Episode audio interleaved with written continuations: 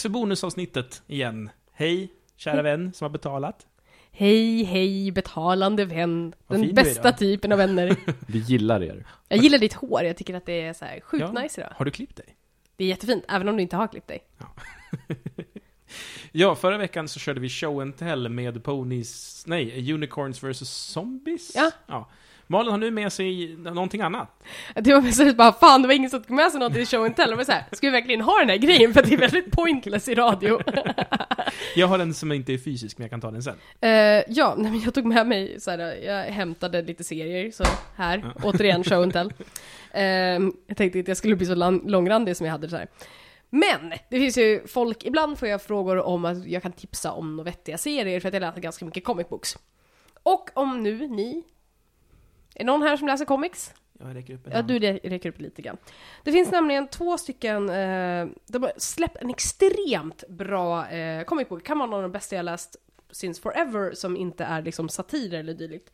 Och det är Brandon Schiefert och Lucas Kettner som har släppt en serie som heter Witch Doctor. Mhm. Ehm, den finns just nu under, eh, det finns bara en volym. Det är ett liksom ideellt projekt som de gör. De är båda två serietecknare och serieförfattare normalt. Men de hade liksom en lite så här trevande bromance. Då Seifert liksom hade kommit lite grann till eh, Kettner och sagt så här, ja men du är ju, du är jävligt fin. Du, gör det, Fin du är i håret. Ja men verkligen såhär, det, det du gör, jag tycker det, jag tycker det är jättefint. Och Katten har sagt, ja, jag, tycker, jag gillar det du skulle göra, så, eller jag gillar det du gör. Och så sagt, bara, tänk vad tokigt om vi skulle göra någonting typ ihop. Och Katten bara, ja det vore ju såhär, åh störtlöjligt. Um, och den här, hela den här historien finns dessutom beskriven i Witch Doctor, vilket är, den är jättegullig. Um, men Witch Doctor i alla fall är en, eh, vi pratade om Urban Fantasy förra gången. Mm. Och det här är också en Urban Fantasy-serie. Det handlar om att allting som vi har omkring oss, vampyrer, sådana saker, de existerar. Eh, De här grejerna, gamla folklore i historierna, allting finns. Men, exempelvis första delen här handlar om vampyrer. Vampyrer existerar, de besätter människor, människor blir vampyrer, men en vampyr är inte en människa som sen biter dig och så blir du sjuk. En vampyr är en slags tarmparasit. Mhm. Som, jag ska visa er lite designen här på en vampyr tänkte jag. Visa oss tarmparasiterna. Yes, jag ska visa er tarmparasiter som vampyr. Och det här är en extremt bra serie just på grund av att de förankrar, det här är en tarmparasit, så här ser en vampyr ut. När den har slingrat sig genom tarmsystemet och kommit upp i munnen. Det är ju väldigt Resident Evil det där. Det är Ja, väldigt alltså, Resident Evil. Det är lite som att man har en gigantisk mask i kroppen som Mm. har, du vet, så här, rader av sylvassa tänder. Så vi ser ett foto på en, en man, ser ut som, som gapar väldigt stort för att i hans mun finns det en mystisk mask med klor som håller upp munnen och masken i sig har typ 6 miljarder rader av sylvassa tänder. Precis, och den här slingrar sig då genom hela kroppen ner i tarmsystemet. Och hela det här är baserat då på att det finns diverse typer av parasiter som kan få dig att börja göra jävligt skumma grejer. Och det är mycket i Som Witch i Doctor, verkligheten. som det finns i verkligheten. Så Witch Doctor baserar sig väldigt mycket på sådana här grejer och handlar om en quirky doktor som är liksom, han är en witch doctor. Han behandlar supernatural diseases.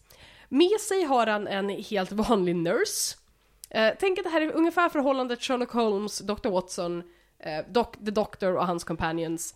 Hela idén är liksom att du har en människa som får förklara vad som, som, skeendet som är. ställer alla frågorna Ja, som vi precis. som tittare eller läsare undrar. Precis, och då har den här doktorn som är någon extremt biffig snubbe liksom som är gammal militärdoktor och på, man får inte så mycket background story till varför de här två hänger ihop utan det bara är så. De har också en liten tjej med sig som är någon form av supernatural being, det förklaras inte riktigt hur och varför, hon bara är där, accepterar premissen och kollar på de här sjukt snygga tecknarlösningarna som de har gjort. För att saker och ting fungerar. Och utöver det är den också väldigt välskriven, väldigt vältecknad och oerhört bra urban fantasy. Baserad på Sherlock Holmes som allting som britter ever gör. Ehm, Witch Doctor Volume 1 heter Under the Knife, man kan få tag i den på min favoritserie-shop, Comics Heaven. Ligger i Gamla stan, har även en internetback. Jag tror att fler har Inte en. en sponsor för er som undrar. Nej, vi har inte det. Problemet är att Image Comics som ger ut Witch Doctor är eh, ganska säll... Alltså det är en relativt liten studio. Ehm, så att det kan vara svårt att få tag i den på inte så himla kunniga och välsorterade seriebutiker. Och eh, Comics Heaven är fruktansvärt bra på att få in eh, knepiga beställningar. Okej. Och de är inte sponsor. Vill ni sponsra Comic 7? Please do! Alltså jag handlar där hela tiden i alla fall. Svampriket.se Precis, jag handlar där hela tiden i alla fall. Så de har ju för sig sponsrat om de hör det här. Men skitsamma, Witch Doctor, awesome.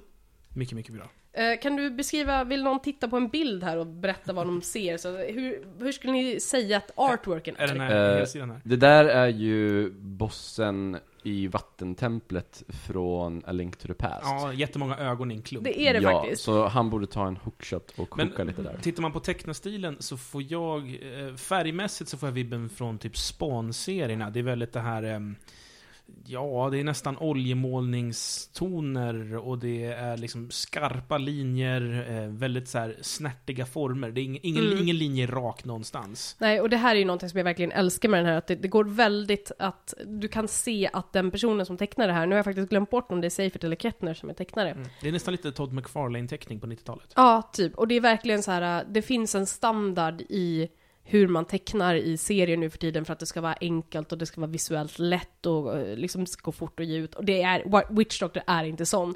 De har eh, så himla mycket detail i skuggning och färgläggning och allting sånt. Den är fruktansvärt bra. Mm. Rekommenderas, kostar kanske knappa 150 spänn. För de första fyra volymerna. Det är fyra stycken separata historier med fyra stycken case. Har du en iPad så rekommenderar jag Image Comics-appen, som den säkert går att köpa den i. Absolut. Mycket trevligt. Apropå den så har jag eh, snubblat över en grej. Mm. Eh, för jag, jag, har, eh, jag har en iPad som jag tycker är fantastisk. Kan vi fråga folk vad de vill att vi ska prata om i extra materialet? För vi har ju verkligen bara, vad har vi framför oss? nej, nej, men eh, det jag skulle säga var att jag, jag har hittat en, en fantastisk retrospelstidning. Mm. Eh, en brittisk tidning som heter Retro Gamer, kort och gott. Och de har hela sin backkatalog tillgänglig via iPad. Så det går ju också att beställa dem i pappersformat, men det är så jävla dyrt att skeppa dem hit. Mm. De finns ibland på Pressbyrån, alltså tidningen i sig. Eh, Men de är sällan uppdaterade, så de har fortfarande eh, typ majnumret i butik nu i Sverige. Fast det har liksom, släpps en varje månad. Ja. Eh, Men i iPad-appen så får du alltid de senaste. Och det det är inget så speciellt med dem, det är bara inskannade pdf-er i princip. Men det är intressanta artiklar, de har alltid fokus och teman på varje nummer. Och eh, det, det är lätt att så här, de, de tror det kostar typ 30 spänn per nummer i, i appen. Du kan också prenumerera om du vill. Men då kan du säga, hmm, det här, av, det här är ett nummer som bara handlar om Super Nintendo. Och jag vill läsa mer om det, då kan jag köpa bara det numret liksom. Eh, Så det är väl värt. Och det finns också givetvis för iPhone, för de som inte har en padda, eh, men har en iPhone tydligen. Jag, jag, jag, jag tror att det finns för Android också, jag är inte helt hundra på det. Tommy, vad har du tagit med dig till det här extra avsnittet? Jag har inte tagit med mig någon. Jag har en till grej också. Ja, jag har ju en grej som inte jag fick berätta för Tommy tyckte det var läskigt. Ja, men Ja. du kan ju köra bara.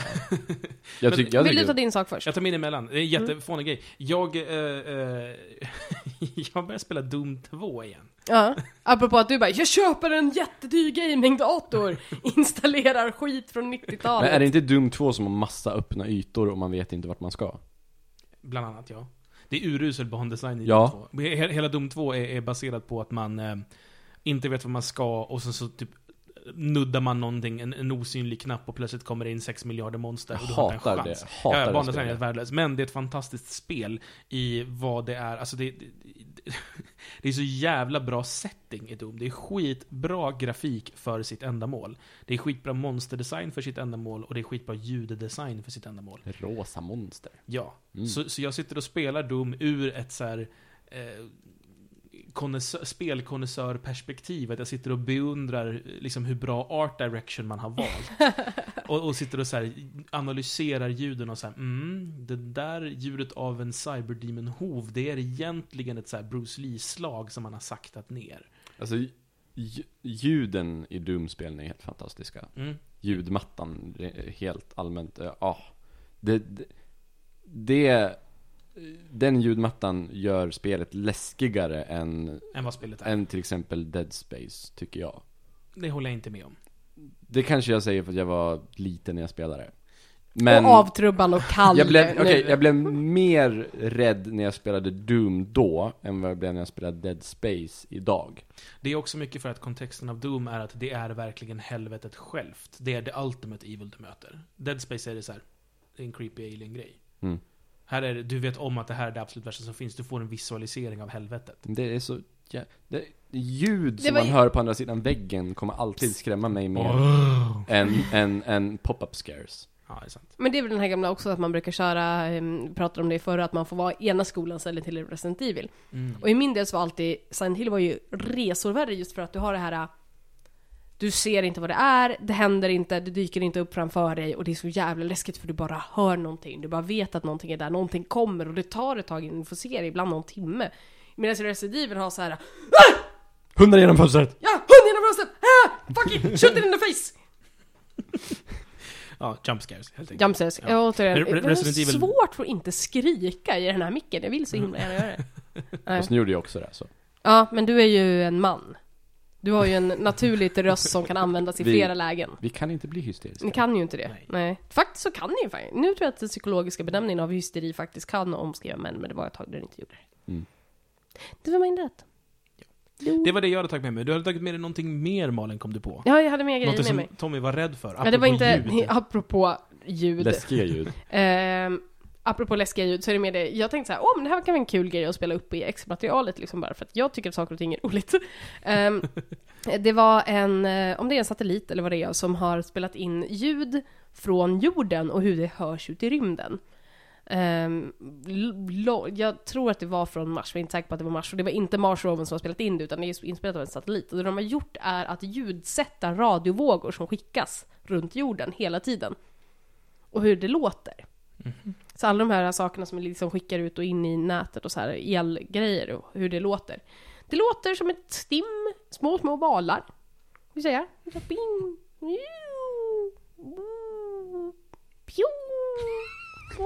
Jag vet inte hur en bal låter, men någonting sånt. Ehm, Du kan lyssna på Malins kassetter av valljud. ja, även min av en strand.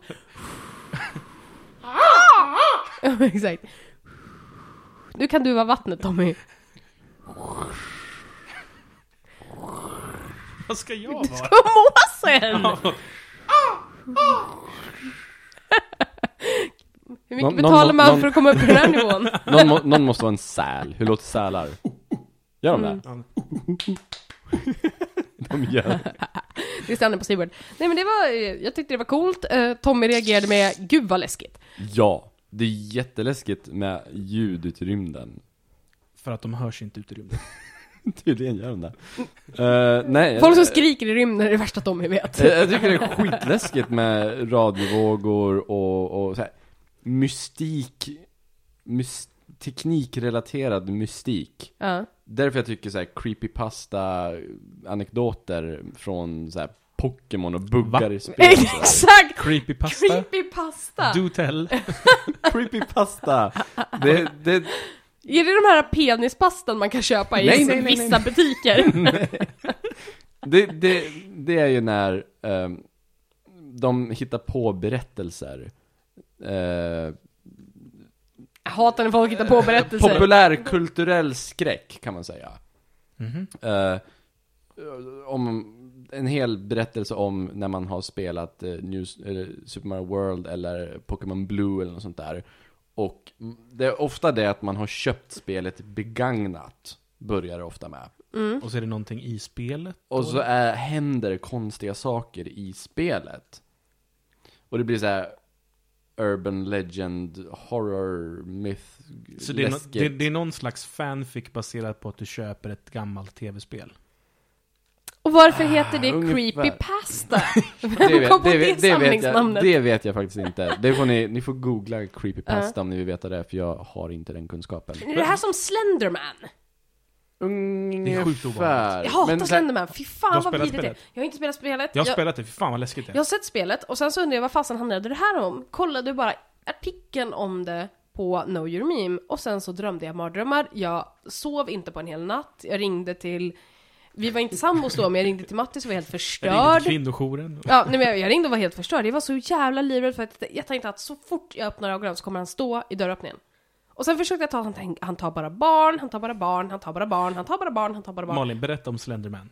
För de som inte vet. Slenderman är egentligen, från början så var det då en, jag vill inte ens prata om det för att det är läskigt. Barnförbjudet nu. Det var en, eh, en, eh, en så här forumgrej. Det var egentligen en skapad urban legend och den skapades på forum Say 4chan för att det är liksom förmodligen 4chan. Och det Slenderman är är en man som dyker upp i fotografier och man ser att han står lite i bakgrunden på vissa historiska händelser. Och han är väldigt, väldigt lång och väldigt, väldigt smal, utan ansikte, så helt vit ansikte. Klädd i svart tilläggas att kostym. han, han dyker inte upp i verkligheten på de här fotografierna. Nej, nej, Utan nej. han är photoshoppats Han, in han har ju photoshoppats in, jag försökte berätta myten, Jaha, förlåt. inte forumet. förlåt. Ja, tillbaks till myten. Han har extremt långa armar och eh, Eh, ska också ha eh, typ möjlighet att ha tentakler och så här. Och han tar barn. Så att då blir det så här, man börjar skapa urban legends som att det är försvunnit barn och då har Slenderman synts till och sådana saker. Och sen så är det en massa så här väldigt creepy eh, bilder där han är med. Typ Den värsta jag såg var ett gäng barn som springer ut från en skola i något. Ehm, man bara ser att de här barnen har så himla konstiga ansiktsuttryck och de är på väg ut ur en skola. Svartvit fotografi kanske från liksom 60-tal, 70-tal, det fanns fot, färgfoto back then. Det var ett svartvitt foto i alla fall. Från typ när din mamma var liten, är det här. Sen skiter jag i hur gammal din mamma är, men när hon var liten, då var det här bilden. Och så ser man bara Slenderman i skuggorna längst bak och står med armarna upp liksom och ser förbannat jävla vidrig ut. Och så står det någon caption där det var eh, His words uh, were so soothing and his arms reached everywhere. Typ eller något sånt där. Står det under bilden, kan kolla på Know you Meme. Ah, den bilden, the images bara haunted me. Och sen innan, fick jag för mig att jag skulle kolla på Slender, eller Slender då, som är det här indiespelet som är typ klassat som det värsta spelet ever, där du blir jagad av Slenderman. More or less. Alltså, det, det det är ett... eh, Jag bryter in här eftersom jag har spelat spelet. Mm.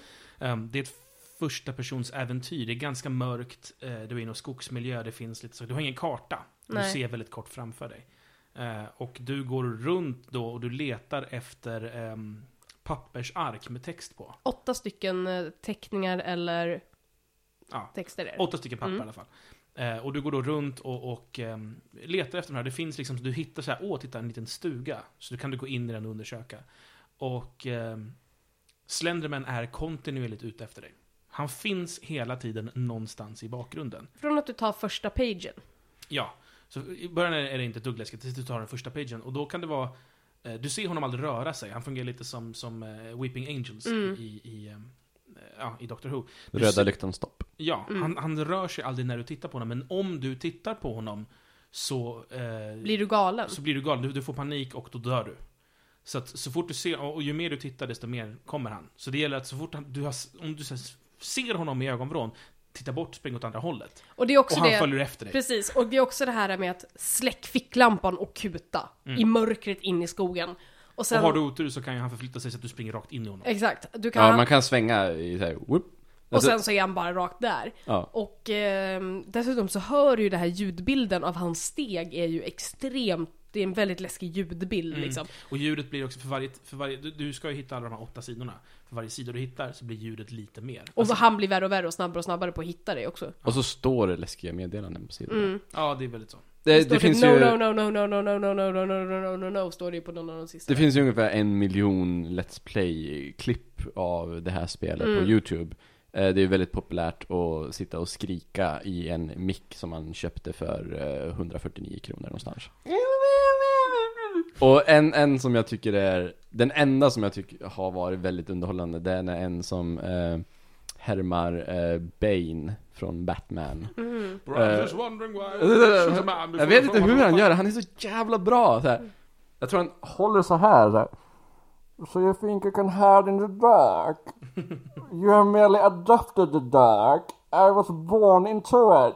Och, det, han så, och han tar in hela Bane-karaktären och applicerar den på situationen på så jävla bra Och så han är sätt. stöddig mot Slenderman. Ja. Ja, precis. So you think you can hide when I turn around? Så, jag, Perhaps I'm wondering why you wouldn't just kill me in the first place. I am Slenderman's reckoning. Jag, jag, jag gillar, den kan jag rekommendera faktiskt. Eh, Det är första gången som jag någonsin rekommenderar en Let's Play. Ja, jag har ju en Let's Play Amnesia Freakout som är, älskar den, inte kunna hitta den igen, men det är en snubbe som, det är också bara så här, han sitter på och chattar med sina polare och spelar Amnesia. Och det är roligare för att han har textat den och han bryter ihop så komplett. så här, hans polare sitter och skrattar åt honom över Skype liksom. Han är, är, han är en blöt hög liksom, man hör, så hör man bara att ljudet försvinner iväg och bara At this point I threw away my headset. Ja, det finns jättemånga spännande sådana indie-skräckspel. Som, eh, alltså de, de, har- finns någon namn på dem, jag minns inte vad det är. Det är typ så här scareboxen och sånt där. Mm. Det är oftast att det är, du är, det är en liten yta och det går egentligen mest ut på att vara i ytan och klara dig. Fin- jag tror, ja, Giant Bomb pratar jag ganska ofta om, men de hade en, en sån grej när Patrick Klepix typ spelar sju sådana spel på rad. Mm. Eh, och försöker liksom behålla sans och förnuft Mm. genom det. Och han är så här, han är ganska van skräckspelare, så han, han, det krävs rätt mycket. Och den enda gången han skiter på sig, det är ju faktiskt när han spelar Slenderman. Det är då han inte fixar det längre. Ja. Allting annat är såhär, ah, oh, oh, okej, okej, det där var faktiskt ganska läskigt, säger han. Så här. Sen spelar han vidare. Men just Slenderman, då är han på nålar hela tiden. Och i det här spelar han också Amnesia. Och det fixar han liksom, efter ett tag. Ja. Eh, För att återgå till det jag pratade om egentligen då, så är det ju den här rymdljuden. Ja, Och det, det, vi det enda egentligen intressanta med det är ju att det har ju hela eh, dealen med det är ju att eh, om det dyker upp någonting i närheten av jorden som inte har hörsel på samma sätt som vi har hörsel och uppfattar ljud på samma sätt som vi gör så är det här förmodligen vad de kommer att höra från vår planet. Mm. Det här är det spår vi lämnar efter oss liksom utåt. I och för sig är de så, så pass nära då att de förmodligen kan se ljuset så det är ganska pointless. Ja, men- det är det som är så tråkigt, att när de har skickat ut eh, radiosignaler och sådär. Mm. tänker du på den här Carl Sagan-guldskivan också? Precis, Mm. till exempel den. Vad var Mm. det för låt de hade där? Lite Beethoven och någon Beatles-låt. Oh, jag lyssnade på en dokumentär om det här på This American Life. Ja. Jag har sett en Mm. jättefin grej där det, minns inte vem det är, men det kan vara typ Frank Zappa eller någonting, som Ja. säger till Carl Sagan så här, men jag kan berätta för dig vad som kommer hända med den här. Han bara, vad? De, vi kommer åka ikapp den och så tar vi ut den och så kommer den stå på The Smithsonian. För det, det, det ja, precis. Nej men det är så tråkigt att tänka att även om vi skickar ut eh, radiosignaler med information om vilka vi är och var vi är, så kan ju den fortfarande inte färdas snabbare än ljusets hastighet. Och även om den färdas snabbare än ljusets hastighet, så kommer den eh, kommer det ta miljoner år innan den når någonstans där det kan finnas liv. Alltså Såvida den- intelligent liv. Såvida den inte träffar ett maskhål förstås. Det är, om, om den överlever det. Du vet, det finns en rymdforskare som, eh, det finns säkert flera, men just i This American Life-avsnittet så hade de en snubbe som alltså aktivt jobbar med hela tiden In case of first contact. Vad gör vi? Vad säger vi? Vad gör vi? Hur beter vi oss? Och han, han blir ju så förbannad på såna här saker där man sitter och skickar ut musik och grejer och tycker att det här är det som vi ska ha, vi ska visa liksom eh, andra delar av vår kultur. För att det finns ingenting som säger att de uppfattar musik som vi gör. Nej. Eller ens Det kan höra. Exakt. Eller att de ens har hörsel på samma sätt som vi har hörsel. Och det de då försökte göra, hela deras forskningsfield är att på något vis få ner så mycket som möjligt till någon form av kommunikation som skulle kunna förstås utan kultur. Alltså någon form av gemensamt nämnare i kultur. Vilket, eller liksom att ens det kan ju vara en helt annan physical appearance. Um, och det, det närmaste som kommer nu är matematik. Ja, det kan jag tänka mig i och för sig. Så att man ska försöka på något vis kommunicera via matematik. Fan vad tråkigt för sådana som jag som är helt usel på matematik. Ja, I Fan, vad händelse av... deprimerande. Det man gör är att man kommunicerar att man är sofistikerade för att man har matematik. Exakt, vi kan skicka ut en matematisk formel och vara så här, så här långt har vi kommit. Vi Ja, kan men- uppenbarligen räkna. Typ, det är ju, det är ju ändå så här det står enda boobs universella på en språket miniräknare. som finns. det, det är ju det enda universella språket som finns. Mm. Det Så vitt jag kan komma att tänka på nu. Jag har, det är en, så jag jävla har en tråkigt. beef med matematik för övrigt. Du har det? Ja. Vad bra, det har jag också. Varför Jag måste med. den vara så jävla svår. regelfokuserad? Det är det jag ska säga, för alltså, matematik bygger ju på, det blir skittråkigt, men matematik bygger ju på att du bevisar saker. Jag Mm. kan bevisa att Pythagoras sats fungerar för att, och sen så kan man liksom så här, du vet att det här är det här, och då är det alltså det här, och det, alltså, du vet, genom typ, ja, all form av geometri utgår ifrån några axiom. Oftast brukar man prata om Euklides axiom. Åh, tråkigt. Oj, oj, oj. Ja. Åh, Axi- vad tråkigt det ska bli. Axiom är ett fakta som man helt enkelt bara får acceptera. Eh, Ett klassiska axiomet är genom två punkter i universum så finns det bara en enda rät linje du kan dra. Alltså om jag har en punkt här, säger jag och håller upp min högra hand, och en annan punkt här, säger jag och har min vänstra hand någon annanstans, så finns det bara en enda linje som är spikrak som kommer passera genom båda de här två. Sen kan den vara hur lång eller kort som helst, men det finns bara en enda linje som löper exakt mellan de här två punkterna. Det, det, här är, det här är det första axiomet i Euklides eh, serie av axiom. Och utifrån det så kan man dra en massa slutsatser och därigenom får vi matematik. Matematik är, har ju en anal bevisskyldighet. Det är en, en av de få vetenskaper som faktiskt är så här, bevisa det, bevisa det. Allting ska kunna bevisas, annars är det inte riktig matematik. Allting bygger på det här första liksom, antagandet, axiomet i början. Så även om allting som vi har kommit fram till efter det där första axiomet är så här, solidt och går att bevisa. Så backar vi bara tillräckligt långt bak så är det fortfarande ett antagande vi är tvungna att göra. Som inte går att bevisa. Ja, alltså typ exempel är ju så här, sätt en punkt i Paris och en annan punkt i New York och dra en rak linje. Den kommer ju böja sig för den går genom över jordskorpan Mm. och den är böjd. Mm. Så, jag vet inte, kan man applicera det? Då får man ju dra den genom jordklotet. Men ja, i och för sig, det är väl det då. Men då blir min beef, alltså, det, vi tycker att den är rak när vi, om jag drar ett papper och drar liksom en, en rak linje, då är den rak Mm. i min värld. Men skulle jag förstora det här pappret så pass stort att det går, sträcker sig hela vägen till USA, då är det en böjd linje plötsligt. Mm. Alltså är min, vad jag tycker, raka linje också böjd för att den påverkas av sin kontext, det vill säga planeten jorden. Det här gör ju i sin tur att om jag drar en linje härifrån till månen, så kommer den linjen per automatik också vara påverkad av sin kontext, det vill säga formen på universum. Hej Malin! Hej Tommy! Och det här är min beef med matematik, att det, vi, vet, vi vet bara så pass mycket att vi vet att vi inte vet. Ehm, betala för spelpodcast! Mattelektioner och eh, random uh, show and Mat- tell-grejer. matte slash filosofi. Det finns ett jättebra avsnitt om Filosofiska rummet som handlar just om matematik. Och i det avsnittet så har du två stycken professorer i matematik som debatterar om två olika skolor, nämligen är matematik universellt, det vill säga om ingen finns där för att räkna det, finns det då? Eller måste det? Det var faktiskt en jätteintressant version av, eh, ja precis, deras utgångspunkt är om om eh, ingen finns där som kan räkna det, är det då ett antal? Det är typ deras grej. Sådär. De beefar om det i typ två timmar, den här matematikprofessorn, där den ena säger absolut, det är ju självklart att saker och ting fortfarande existerar i antal, att matematik är universell. Medan den andra säger nej, för det krävs ju att vi räknar ut skiten. Så det kan vara tips. P1, Filosofiska rummet, ungefär förra året. Eh, Det är också roligt för att de har den här diskussionen, det är så neddummade efter ett tag, där det blir så här. men om det går två dinosaurier på jorden och människor inte finns där som kan räkna dinosaurierna så är det ju fortfarande två dinosaurier. Och det här håller de på med kanske en timme. Låter intressant, tycker jag. Mm. Men jag är ju å andra sidan matematiknörd.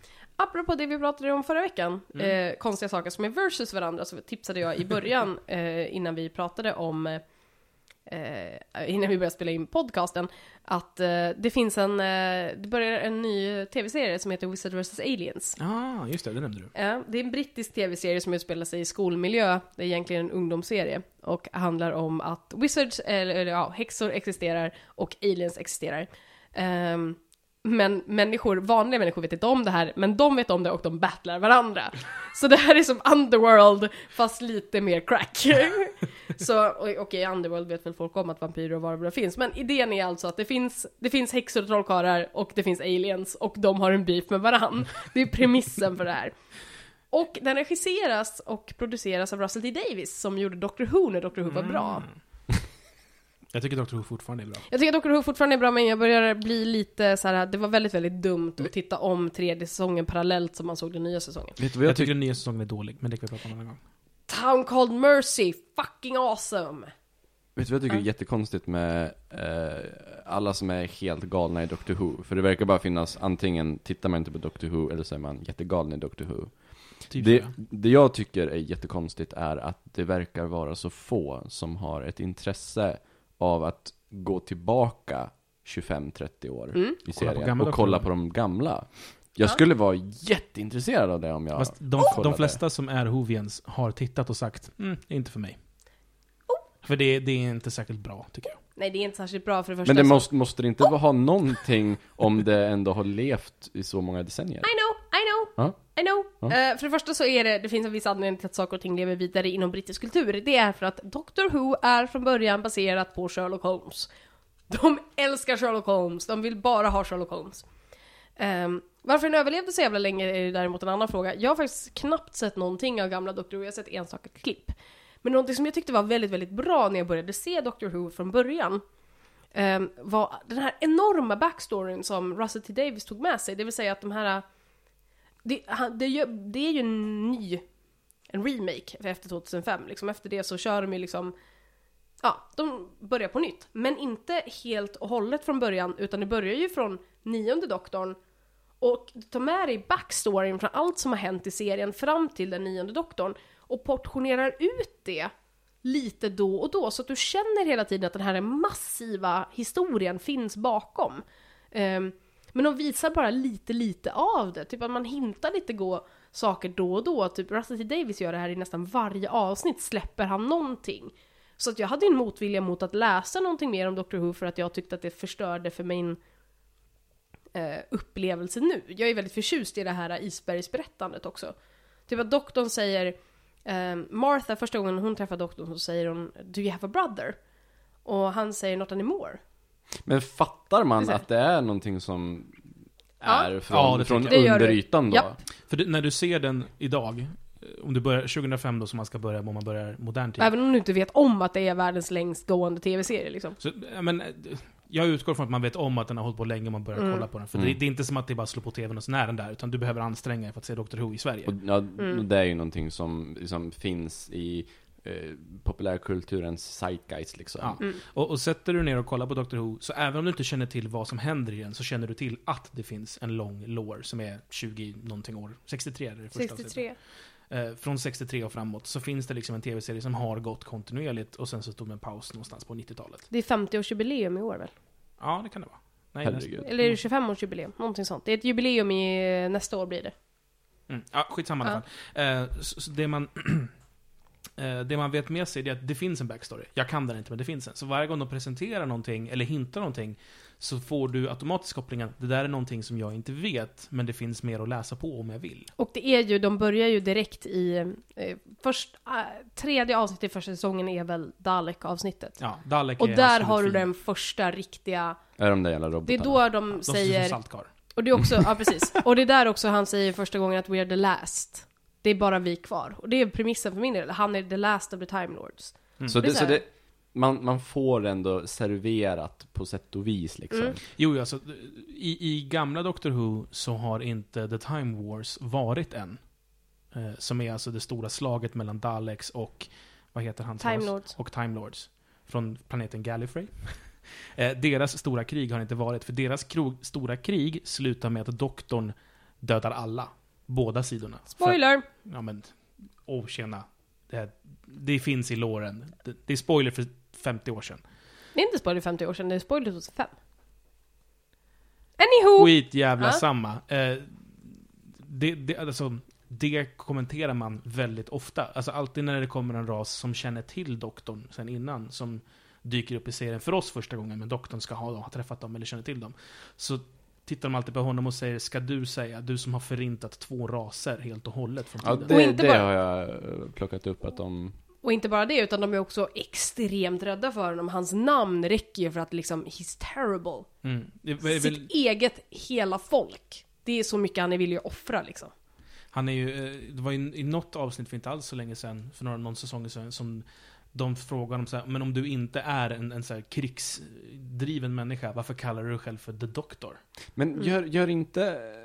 Jag var inte klar. Mm. Ja, okej. För att The Doctor betyder krigsherre på deras språk.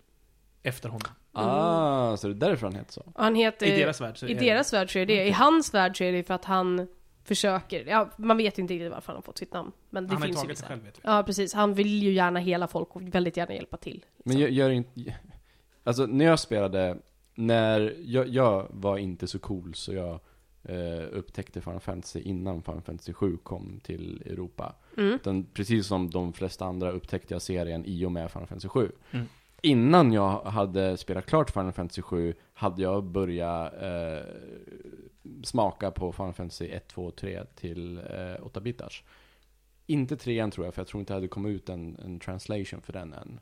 Men ettan och tvåan, och sen fyran, femman, sexan till eh, SNES. Mm. För att man, jag, jag blir så intresserad av eh, allt det som kom innan liksom, som ledde upp till det här. Och känner att jag måste konsumera det för att här, förstå utvecklingen, förstå varför Final Fantasy 7 är där det är. Eh, och alla de här små hintarna i Doctor Who då, då gör, gör inte det en bara mer intresserad av att eh, kolla upp arvet så att säga? Nej. Jo, ja, för mig är det det. För jag blir intresserad, men jag kollar upp det genom att läsa mig till det. Ja, det gör jag också. Jag Ja, inte så på man får gamla. lite mer komprimerat Ja. sådär. Jo, för det, det är ändå 25 års TV att ta sig Ja. igenom. Och, och my, mycket av det är borta för det försvann i en översvämning på BBCs arkiv. Mm. Oh. Eh, så det, liksom, tankar du ner det idag eller köper liksom, DVD-utgångarna, då är det liksom bara, de har kvar ljudspåret men bilden är bara svart. Ja, Åh, gud, så... Det var jättekul, de, de hittade, förlåt Malin, men Mm. de, de, eh, det var någon satellitsändning från Storbritannien som hade studsat mot någon planet, typ Saturnus, och kom tillbaka och den råkade innehålla delar av det Doctor Who-materialet som var borta. Så de har snappat tillbaka det, så det har man återfått. Gud. Nej men det var, jag är ju förtjust i hela den här typen av berättande då man inte liksom säger det här har hänt och nu är det så här och det här kommer att hända nu. Typ, jag gjorde, kollade ju på Battlestar Galactica utan att veta om att det fanns en första film. Så jag missade ju så att säga pilotavsnittet där de faktiskt flyr från jorden. Så i min värld så började Battlestar Galactica med Massa skepp som slåss mot varandra, allihopa måste in nu, klockan börjar om och tickar ner, nu är det 78 minuter kvar, försök äta någonting, försök sova, reparera den här skiten, hur många har vi kvar, vad förlorade vi, hur många skepp kom inte med? Okej, nu är det ut igen, kom igen, de är efter oss, eh, två minuter kvar, okej, vi hoppar, 48 minuter. Och det var så jävla hetsigt! Och det var så sjukt bra, för jag är så helt såhär, va? Vad jagar de? Vilka är de här? Är det, och liksom, sen så fick jag ju under avsnittets gång då det här är det sista av människorna som finns kvar, de är en flotilla, det här är presidenten. Tre avsnitt senare, de jagas av Cylons. Kanske 18 avsnitt senare, de byggde själva Cylons.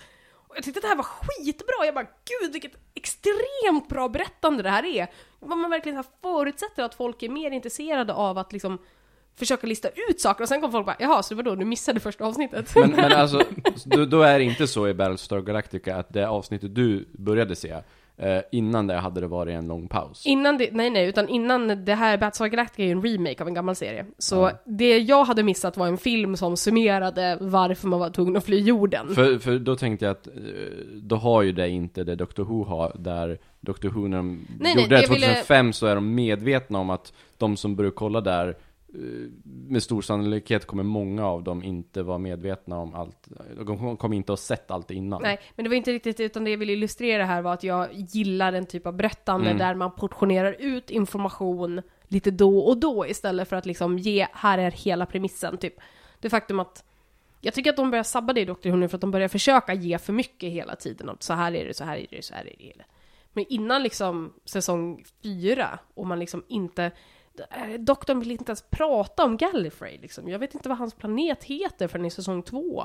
Liksom, och att den är borta kommer ganska långt efter och att han är den sista och han har haft familj egentligen och liksom sådana saker som är ganska slentrianmässigt hanterat i den gamla serien för att där var det ju liksom bara kul.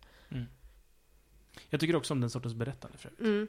Jag tycker att vi kanske ska sluta prata om Doctor Who i vår delgame. Jag tänkte att man skulle försöka undvika att prata bara om Doctor Who. Varför då? Men alltså, jag vet inte, jag tänker mig att folk som inte är intresserade av Doctor Who kanske tycker att det är lite tråkigt. Jag, jag, jag är ju i den situationen att jag har aldrig sett ett Att enda du är väldigt helt avsnitt. uttråkad just nu. Nej, nej, nej. Jag har aldrig sett ett enda helt avsnitt av Doctor Who.